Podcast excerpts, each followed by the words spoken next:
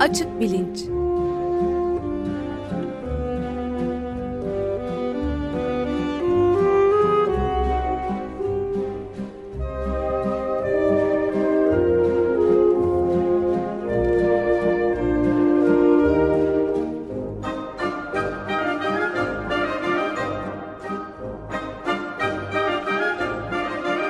Güven Güzeldere ile bilim ve felsefe sohbetleri. Geçen seneye göre yüksek diyorlar. Geçen seneye göre olacak tabii. Her şey değişiyor. İnsanlar bile değişiyor. Bir domatesin kilosu diyelim üç buçuksa yurt dışında gidip bir tanesini alamazsınız. Kaç eurolara? Türkiye yine Her şeyimiz dört dörtlük ama insanlarımız nankör. fiyatlardan memnunsunuz. Çok memnunum. Ucuz fiyatlar. Evet. Öyle mi? Evet, çok memnunum. Geçen seneye göre daha mı iyi? Evet, her şey iyi. Yağmur yağıyor. Allah-u Teala yağmur ya yağdırmasın. Ya, yağmur yağıyor. 1 milyon domatesi 5 milyon yapıyor. Başımızdakine karalama kardeşim. Başımızdakiyle ne ilgisi var? Allah ediyor. Günaydın Güven Bey merhabalar. Ee, günaydın Ömer Bey. Günaydın Güven Bey merhaba. Günaydın Can. Evet bu e, bir e, ses kaydıyla girdik ama konuğumuzu öncelikle tanıtalım. E, Size de hoş geldiniz diyelim Sevinç Hanım. Hoş bulduk. Hoş geldiniz. Herkese. Hoş bulduk. E, Siz tanıtımını Konuğumuz yapar mısınız? sosyolog- Tabii konuğumuz sosyolog Sevinç Doğan. Ee, bir ses kaydıyla girdik çünkü e, bugün e, seçmen e, gruplarının sosyolojik bir e, çözümlemesine yapmaya çalışacağız. E, hatırlayanlar çıkabilir. Geçen hafta e, fikri sabit seçmenler diye nitelenen bir seçmen grubundan bahsetmiştik. Bu e, seçmenler üzerine yapılan e, bir takım psikolojik profil çalışma e, çıkartma çalışmalarından e, ortaya çıkan bir sonuçtu. Bugün bu tür bir psikolojik genellemeyle seçmenlere yaklaşmak yerine ki ben bu tür yaklaşımları biraz böyle gökdelenin tepesinden aşağı doğru bakan yaklaşımlar gibi görüyorum. E, sosyologların yaptığı saha çalışmalarına e, kısmen de kültürel antropoloji çalışmaları gibi de düşünülebilir. E, içinde insan hikayelerinin de dahil olduğu e, hem nicelik hem nitelik açısından e, yaklaşan çalışmalara e, bakalım e, istiyordum. Bunu yapmak için e, bunu yapmak konusunda çok yetkin bir konuğumuz var. E, ben kısaca kendisini tanıtayım. Sevinç Doğan e, hali hazırda doktora çalışmalarını Mimar Sinan Üniversitesi'nde sürdürüyor. E, siyaset sosyolojisi üzerine çalışmakta.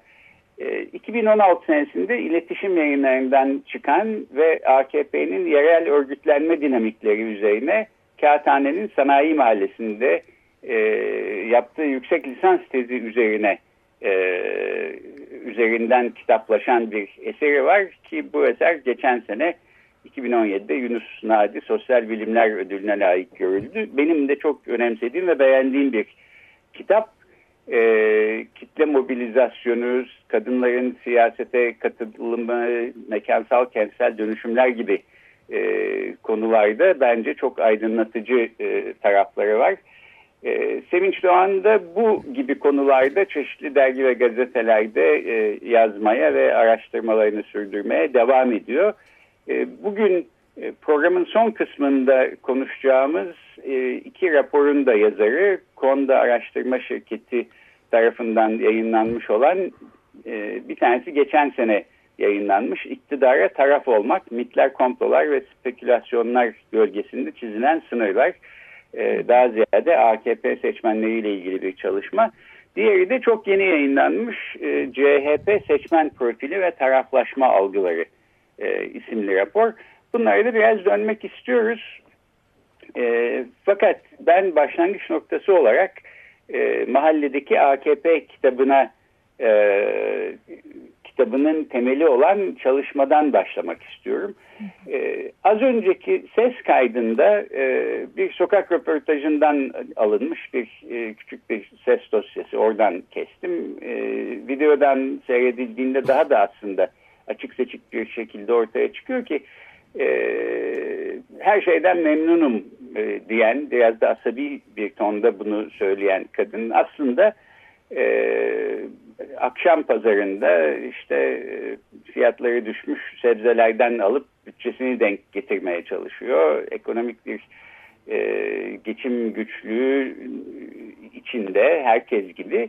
Fakat e, memnunum fiyatlardan da memnunum her şeyden çok memnunum derken e, gerçekten fiyatlardan memnun olduğunu değil fiyat memnunsuzluğu üzerinden başka bir e, anlamda bir siyasi bağ e, bağı olan e, işte bir kişi ya da siyasi parti hakkında kötü bir şey söylemeyi e, reddediyor. E, bana böyle anlamak daha doğruymuş gibi geliyor.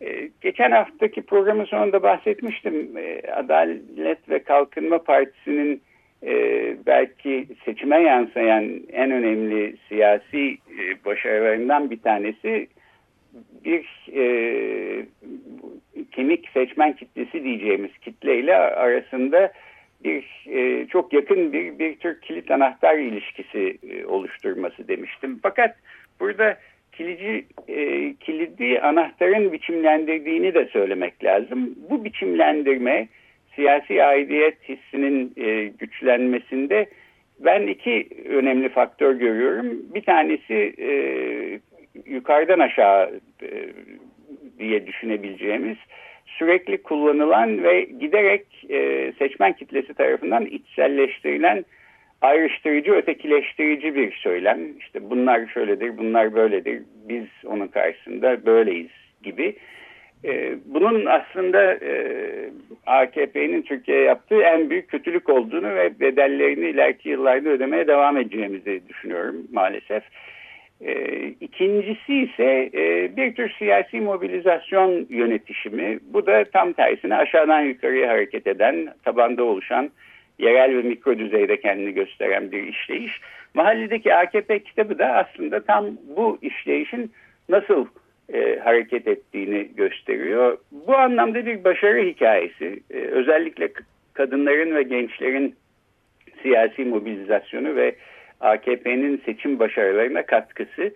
Dolayısıyla e, yani burada e, şimdi e, anlatmak istediğimiz, aktarmak istediğimiz e, hikaye ekose ceketli bıyıklı adamlardan ziyade daha önce siyasi faaliyeti olmamış, kendisini siyasi bir özne gibi görmemiş kadınların ve gençlerin sistemin işleyişine katılmaları ve yaptıkları katkılar.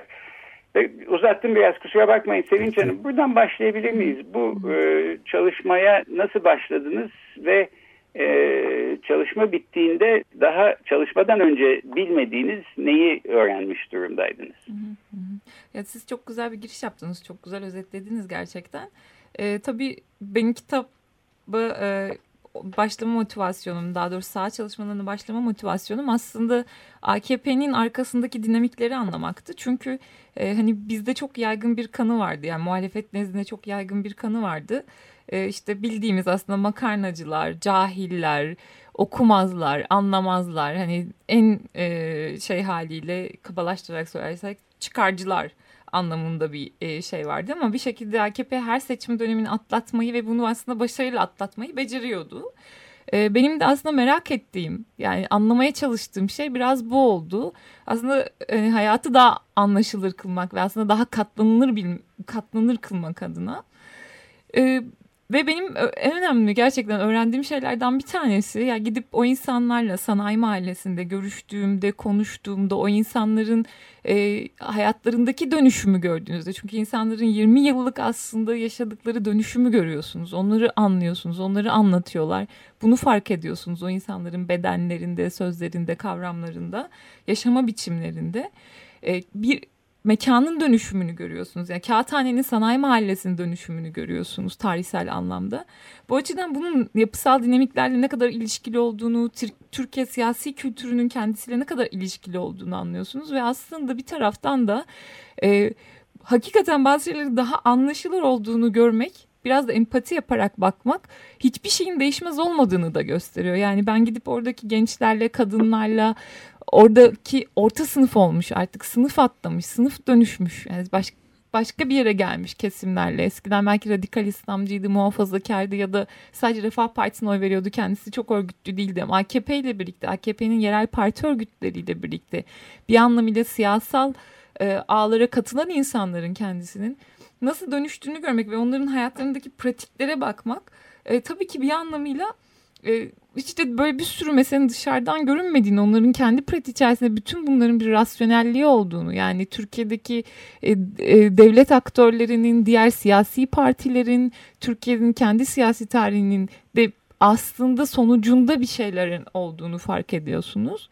Bu anlamda ben aslında çalışma bittikten sonra hiç umutsuz değildim ve kendimi çok da iyi hissediyordum ve artık böyle hani e, hiçbir şey benim için böyle, böyle karabasan gibi gel, gelmiyordu tabii ki. E, bu anlamıyla hakikaten öğretici olmuştu benim açımdan. Peki şimdi nasıl geliyor? Şimdi son 2-3 yılda yaşadıklarımız çok sert oldu. Yani e, biliyorsunuz 15 Temmuz'dan sonra e, AKP'nin kendi pratikleri çok değişti. Yönetme biçimi çok değişti. Çok daha otoriter bir hal aldı ve muhalif kesimlere yönelik çok daha sert pratikler uygulamaya başladı.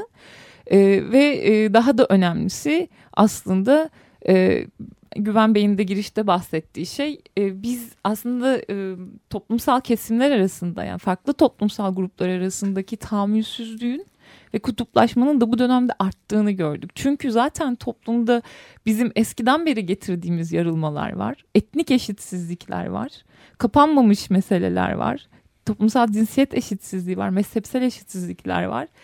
Ee, yani yönetim biçimi anlamında demok oturmamış bir demokrasi geleneğimiz var. Yani biz hali hazırda zaten bunları e, gündelik hayatımızda bunlarla mücadele ederken e, her şey çok daha fazla sertleşti. Tabii bunda AKP'nin söyleminin artık iktidar diyebiliriz. Yani iktidarın söyleminin, Erdoğan'ın söyleminin toplumda zaten var olan bu açıklara, yaralara bastırması ve bunları daha da derinleştirmesi bugün artık çok daha başka bir noktaya geldiğimizi gösteriyor. Bunu şeyden de fark edebiliyoruz. Yani insanların siyasi olaylara bakışı, kavramsallaştırmaları, algıları yani 15 Temmuz'a bakış mesela toplumda tamamen bölünmenin olduğunu gösteriyor ve çok uç uç görüşler bunlar.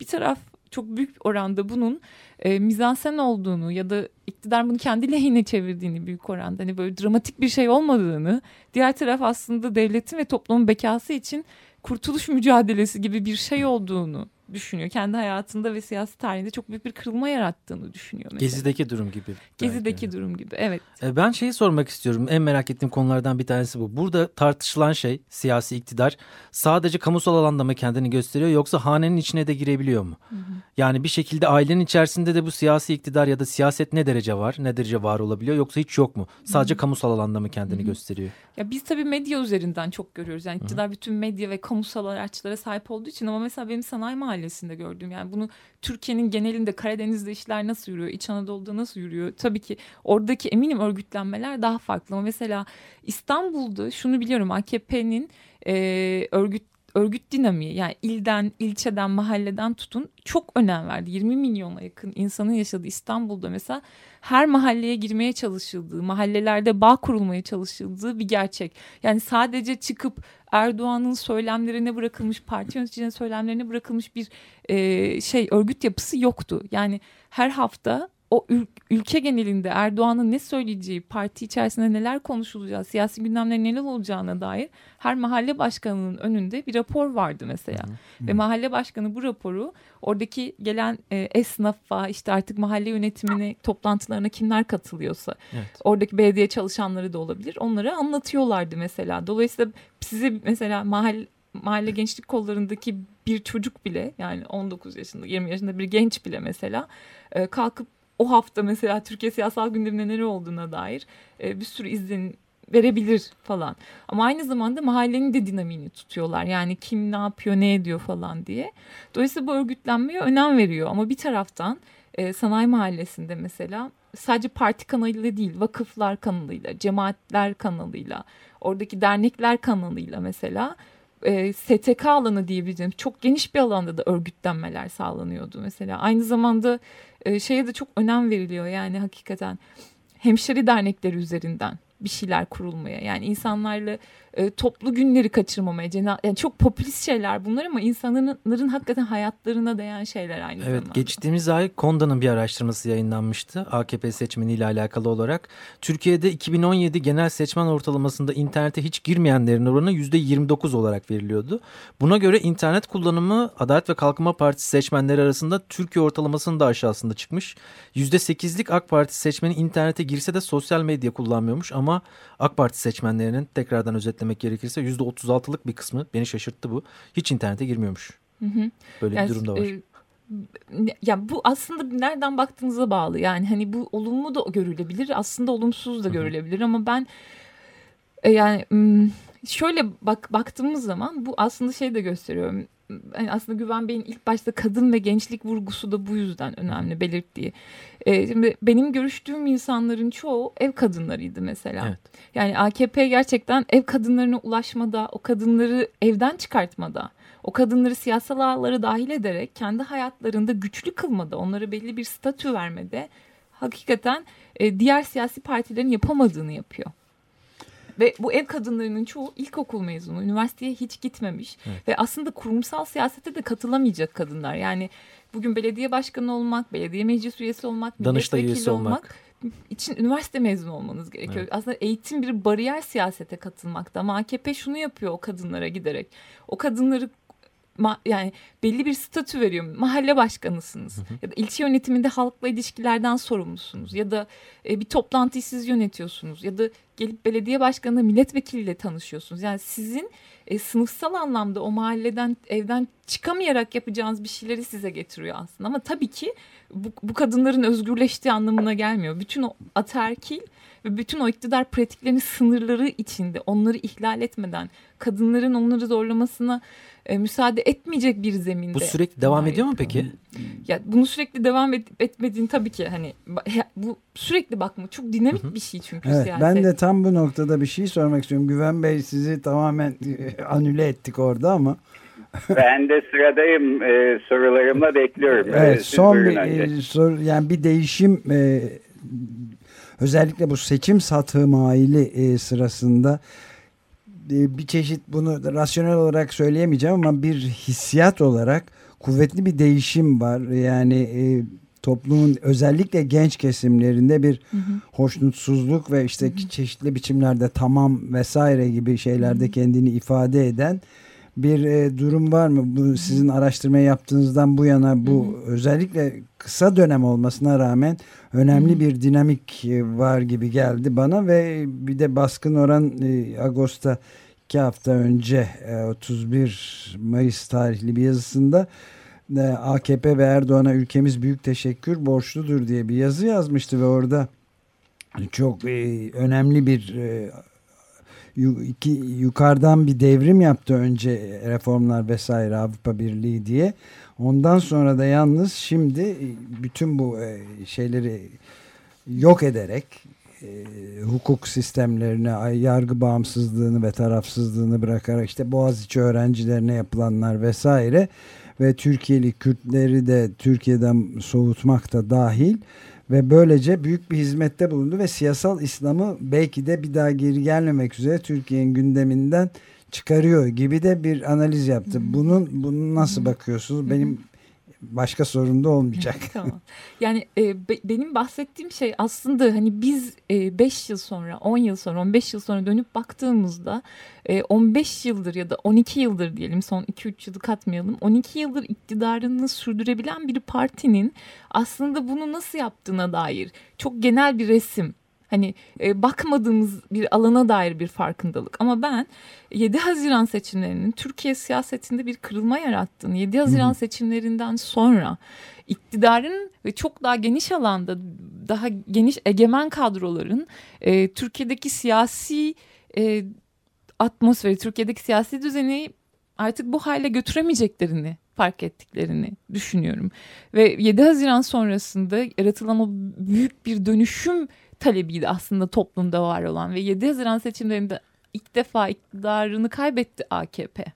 Ve 7 Haziran e, bize başka bir toplum, başka bir yönetim biçimi nin e, sesiydi ve bu güçlü bir sesti ama bu ses çok hızlı bir şekilde ve e, çok geniş kesimin hazırlıksız olduğu bir süreçte bastırıldı. 1 Kasım seçimleri geldi sonra çok hızlı biçimde Türkiye'de bombalama olaylarını yaşadık. 15 Temmuz geldi 15 Temmuz sonrası o hal ilan edildi. O halden sonra da zaten son 4 yılda yaşadığımız 5 seçimle birlikte hızlı her dönem 6 ay 7 ayda bir seçimlerden seçimlere geçtik. Şimdi bunu değerlendirirken bu süreçte herkes değişti, toplum değişti, kutuplaştı e, ve biz 16 Nisan referandumunda şunu gördük yani hani bir şekilde AKP'nin ve iktidarın yani Erdoğan şahsında onaylattığı bir referandumda istediği çoğunluğu elde etmediğini, büyük şehirleri İstanbul'u, İzmir'i, Ankara'yı kaybettiğini ve İstanbul'da hani İslamcı muhafazakar kesimlerin kendi arka bahçesi olarak gördükleri yerleri de kaybettiğini gördük.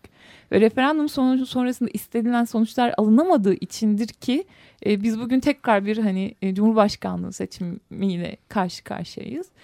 Ve bunu şunu, şunu da gör, görmek gerekiyor. Bir değişim sürecinin içerisindeyiz. Bu çok belli. Geçen sene 16 Nisan referandum seçimlerinde Üsküdar gibi yerlerde gidip baktığımızda mesela sahada AKP'nin çok sönük bir seçim çalışması yaptığı, e, hiçbir talebinin başkanlık sistemine dair hiçbir talebin arkasında duramadığı, hatta tersine e, sanki işte Cumhurbaşkanlığı yargılanabilecek, işte meclisteki milletvekili sayısı arttı gibi hani e, yaptığının pratiğinin tersine bir propaganda yaptığını gördük.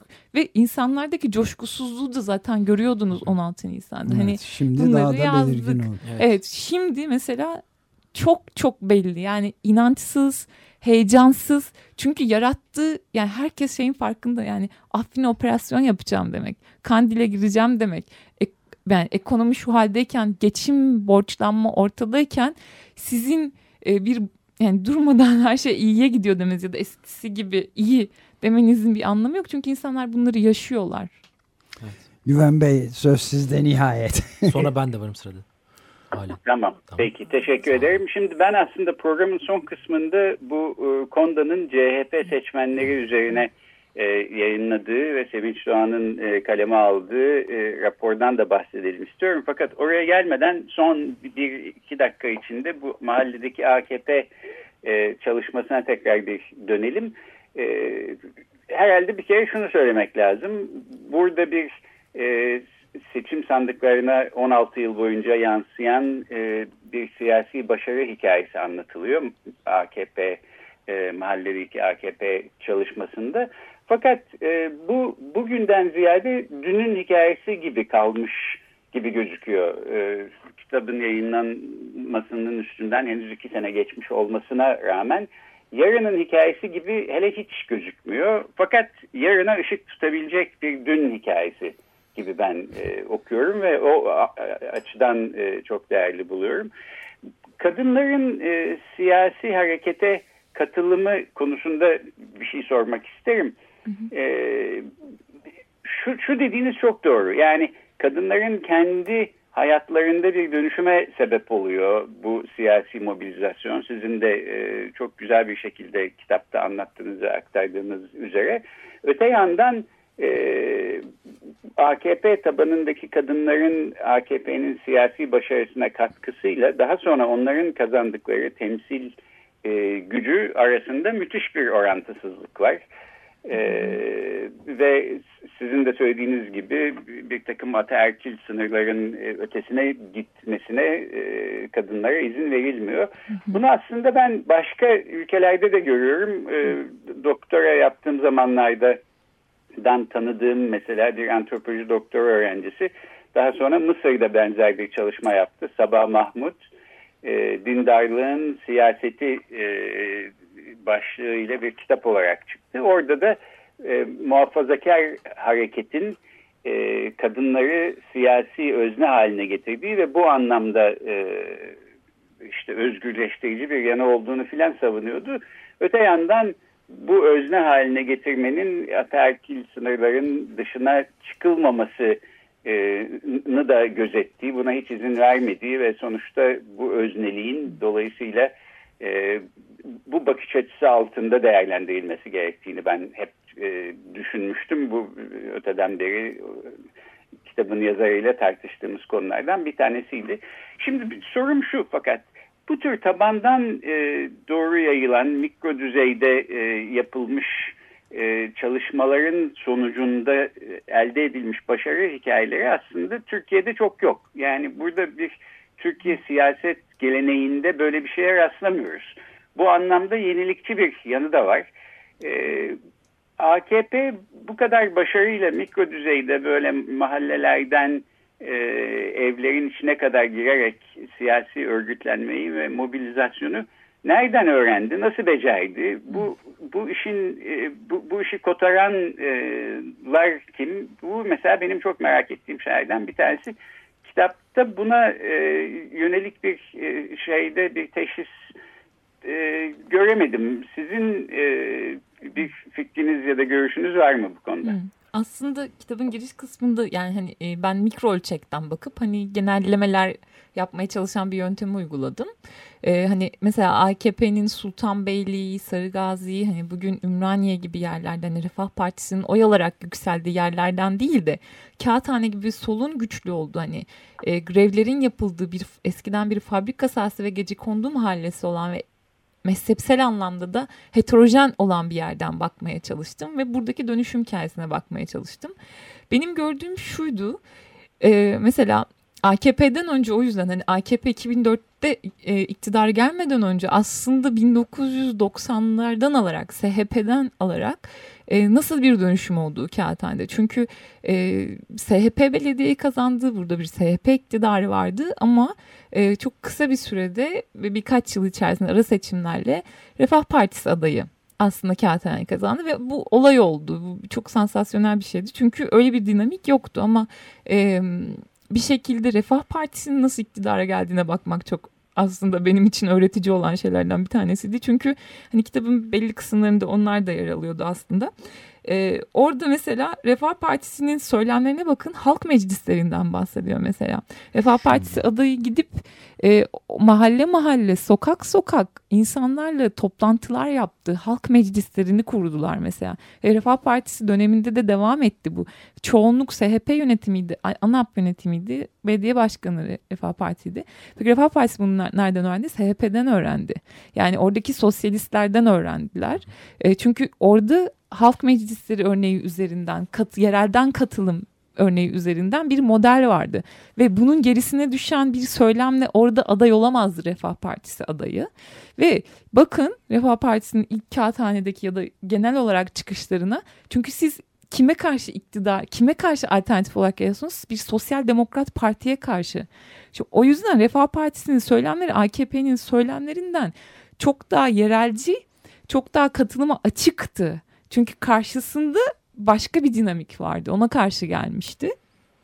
Bugün mesela AKP'nin dili çok daha sert, otoriter belediyecilik anlayışı çok daha üstten. Mesela e, o, o anlamıyla aslında hangi siyasal atmosferde olduğunuz ve kime karşı alternatif olarak çıktığınız e, sizin nasıl bir e, siyasal dil kullanacağınızı da belirliyordu hani aslında. Evet büyük bir değişim olduğu da bu şekilde siz de şimdi söylemiş oldunuz yani evet. günümüzde de. Evet evet yani işte mesela e, hani bugün artık bu AKP'ye dair çizdiğimiz genel resmin değiştiğini son birkaç yılda söyleyebiliriz. Yani 15 Temmuz sonrası mesela Çengelköy'de Üsküdar'da yaptığımız çalışmalar da bu çıkıyor. 16 Nisan referandumunda yaptığımız çalışmalar bunu gösteriyor ve bugün artık yaşadığımız 24 Haziran seçimleri artık bambaşka dinamikler içerisinde olduğumuzu gösteriyor. Bugün artık kazanımlarını kaybetmekten korkan ve e, kaybettiğinde kendisinin e, tekrar 28 Şubat ya da öncesindeki gibi sert bir müdahaleyle karşılaşacağından korkan kesimler var ve bunlar e, iktidarı güçlendiren, iktidarı iktidar yapan aslında kendisini liderle özdeşleştirmiş. Yani sadece o lideri bağladığı dışsal bir şey olmaktan çıkmış, o liderin gücünü ve varlığını kendi kazanımlarının ve toplumsal e, siyasal anlamdaki statüsün ne derseniz diyeyim bununla özdeşleştirmiş bir kesimin aslında korkusuyla da sarıldığı ve o ne olursa olsun o yüzden hani ilk başta dinlediğimiz ses kaydında da yani hani fiyatlar artıyorsa işte yağmur yağıyorsa bu Allah'la ilgili yani niye yönetenleri suçluyorsun? Evet. Buraya kadar gelen bir kenetlenmiş kesimi gösteriyor bize. Evet belki şimdi müsaade ederseniz soracağım sorudan Güven Bey de kendi sorusuna bir bağlantı kurabilir. Ee, geçtiğimiz hafta Konda Araştırma Şirketi'nin genel müdürü Bekir Arıdır'ı ağırlamıştık Açık Gazete'de. Ve Bekir Bey e, kararsızların bu seçimi belirleyeceğini söylüyordu büyük bir oranla ve bu aynı şekilde büyük kısmının bu kararsızlarında gençler olduğunu söylüyordu. Bu gençlerin de umutsuz, karamsar ve kızgın olduğunu dile getiriyordu. Sizin sağ araştırması yaptığınız zaman bu umutsuzluk, karamsarlık ve kızgınlığı görebilmeniz mümkün olmuş muydu? Ve şu andaki bu umutsuz, karamsar ve kızgın gençlerin temel motivasyonu nelerdir diye Bence soracaktım. Çok güzel bir soru gerçekten. Ee, şimdi mesela son birkaç yıldır yaptığımız yani e, seçim ve referandum dolayısıyla yaptığımız şeyler şeylerden yola çıkılabilir belki ama şunu da söyleyeyim. Geçen seneden bu seneye 1 milyondan fazla yeni genç seçmen katıldı. Hı. Bu çok ciddi sadece bir yıldan bahsediyoruz. Evet. Mesela sadece Üsküdar için seçmenlerin yüzde 40'ı 1980 ve üstü doğumlu. Hı. Ama e, mesela CHP'de de gördüğümüz şey şu e, gençlere yönelik gençlerin politikaya katılması anlamıyla gençlerin geleceği açısından herhangi bir söylem üretmeyen, aslında oraya değmeyen, oraya bakmayan bir siyasal pratik görüyoruz. Ne parti örgütlenmesi içerisinde ne politik anlamda böyle bir derdi yok. O kızgını ve hayıflanmayı şurada da görmüştük. Mesela bu e, sadece AKP için değil CHP için de geçerli. Yani oraya gidip orada siyaset yapmak isteyen hani oraya artık yani çünkü eski yüklerle gelmiyorsunuz en fazla duyuyorsunuz bir şeyleri. Bir sürü kavram sizin için çok aslında anlamlı değil size öğretiliyor. Yani hatta sizin gördüğünüz şeyler hayatta bambaşka. E, şu parti gençlik kollarından biriyle konuştuğumuzda ben buraya geldiğimde farklı bir şey yapmayı düşünüyordum. Aklımda bambaşka şeyler vardı ama burada insanların derdi farklı şeyler yapmak, değişim yapmak ya da bizi dinlemek, bizim onları dönüştürmemize izin vermek olmadığını anladım. Orada oturmuş, oturmuş bir şey var ve öyle devam ediyor. Yani bu anlamıyla Türkiye'deki siyasal partiler çok gerontokratik ve hakikaten oradaki değiş, değişim yaşlılar bir yerde. Evet. şey yani. Öyle evet. olmasa bile şeye de muhafazakar yani evet. o değişime gel, o gelecek de, yani kendisi genci kendisine benzetiyor. Onu siyasal evet. onu bastırıp e, nasıl diyeyim sönümlendirip ondaki o şeyi kapatıp onu kendisine benzeten. Gençleri yaşlandırıyorlar. Evet. evet. Onların değişimine izin vermiyorlar. O açıdan e, elbette ki baktığınızda hani e, düşünsenize 4 yılda 5 seçimden bahsediyoruz ya. Hani evet, evet. ne olduğu anlaşılamayan bir şey onlar için evet. muhtemelen. Güven Bey e, birazcık azıcık da uzatıyoruz bu durumda. Çünkü zaten seçim satımı haline girdiğimizde programlarımızda birazcık iki buçuk saate de çıkarttık açık gazeteyi de biliyorsunuz. Birazcık sizin de sor, son sorunuza da e, yer bırakacak şekilde ben kendi inisiyatifimi kullandım Ömer'den izin alarak. Tamam peki çok teşekkür ederim. E, mahalledeki AKP tartışmasını o zaman herhalde şöylece bitirebiliriz. Sevinç Hanım sizin de kitapta dediğiniz gibi bu taban mobilizasyonu ve AKP'nin işleyişi aslında bir kara kutu değil. Siz dışarıdan gelerek bu işleyişin içine nüfuz edebilmiş, e, görmüş ve daha sonra bizlere aktarabilmiş bir kişi olarak bunun e, tanığısınız. E, AKP'yi e, seçim sandığında başarıya taşıyan seçmenleri e, ni de işte anlamazlar, fikri sabitler, makarnacılar filan falan e, diye e, nitelemek ve onların üstünde daha fazla düşünmemek tembellikten ibaret gibi gözüküyor. E, benim e, pek çok kişiye bu işlerin iç mikro düzeyde iç işleyişini nasıl anlarız diye soran pek çok kişiye e, sizin kitabınızı öneriyor olmam bu sebeple. E, bu kitabı peki e, vaktimizin de aslında sonuna geldik geçtik. E, son kısımda belki bir iki dakika e, için e, CHP seçmenleri üzerine yaptığınız çalışmaya dönelim. E, konuda e, işte her partinin kendi seçmenleri üzerine e, seçmen kümeleri araştırması yaptırıyor. CHP seçmenlerini e, siz kaleme aldınız. Genel olarak baktığınızda CHP seçmenleriyle daha önce içlerinde e, işte çalışıp incelemenizi yapmış olduğunuz AKP seçmenleri arasındaki en çarpıcı farklar e, nelerdir? Böyle kalem kalem çıkarmaya e, çalışsak ilk aklınıza neler gelir? Aslında uzun bir cevap gerektiren bir şey ama zamanımız çok kısıtlı olduğu için ya en başta e, şey söylemek gerekiyor galiba. Yani hani bugün e, gerçekten e, o kutuplaşmayı ve farklılaşmayı görüyorsunuz. Yani CHP seçmenleri için e, mesela artık Türkiye'deki, Türkiye siyasetindeki belirleyici şey sağ sol ayrımı değil. Ya da akıllarına gelen şey e, din korkusu ya da laiklik gidiyor değil. Sizin için en önemli sorun nedir dediğinizde...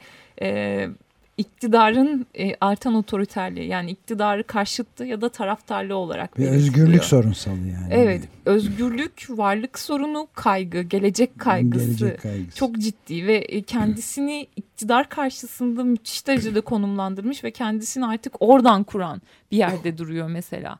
E, bu açıdan e, şeyden bahsedilebilir yani hani gerçekten e, CHP'lilerle görüştüğümüzde değişim arzusunu artık yeter arzusunu çok net bir şekilde görüyoruz.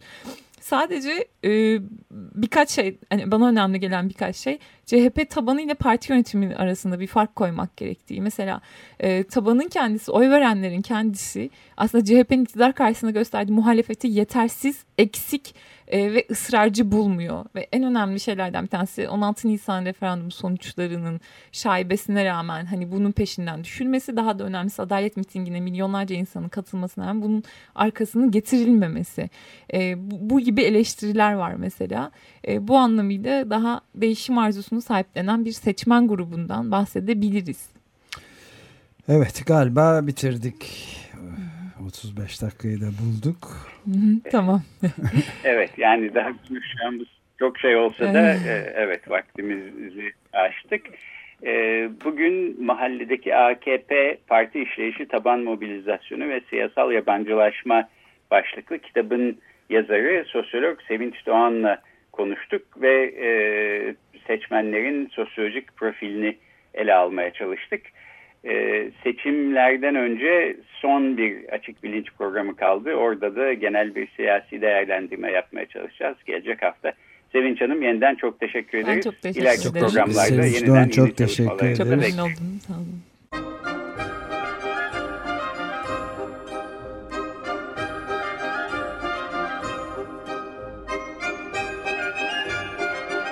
Açık bilinç.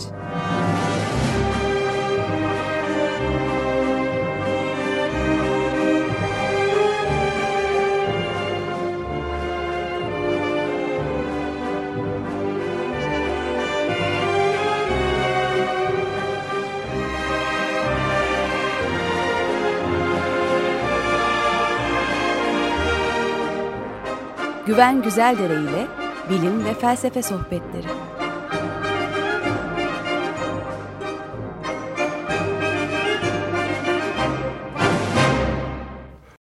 Açık Radyo program destekçisi olun.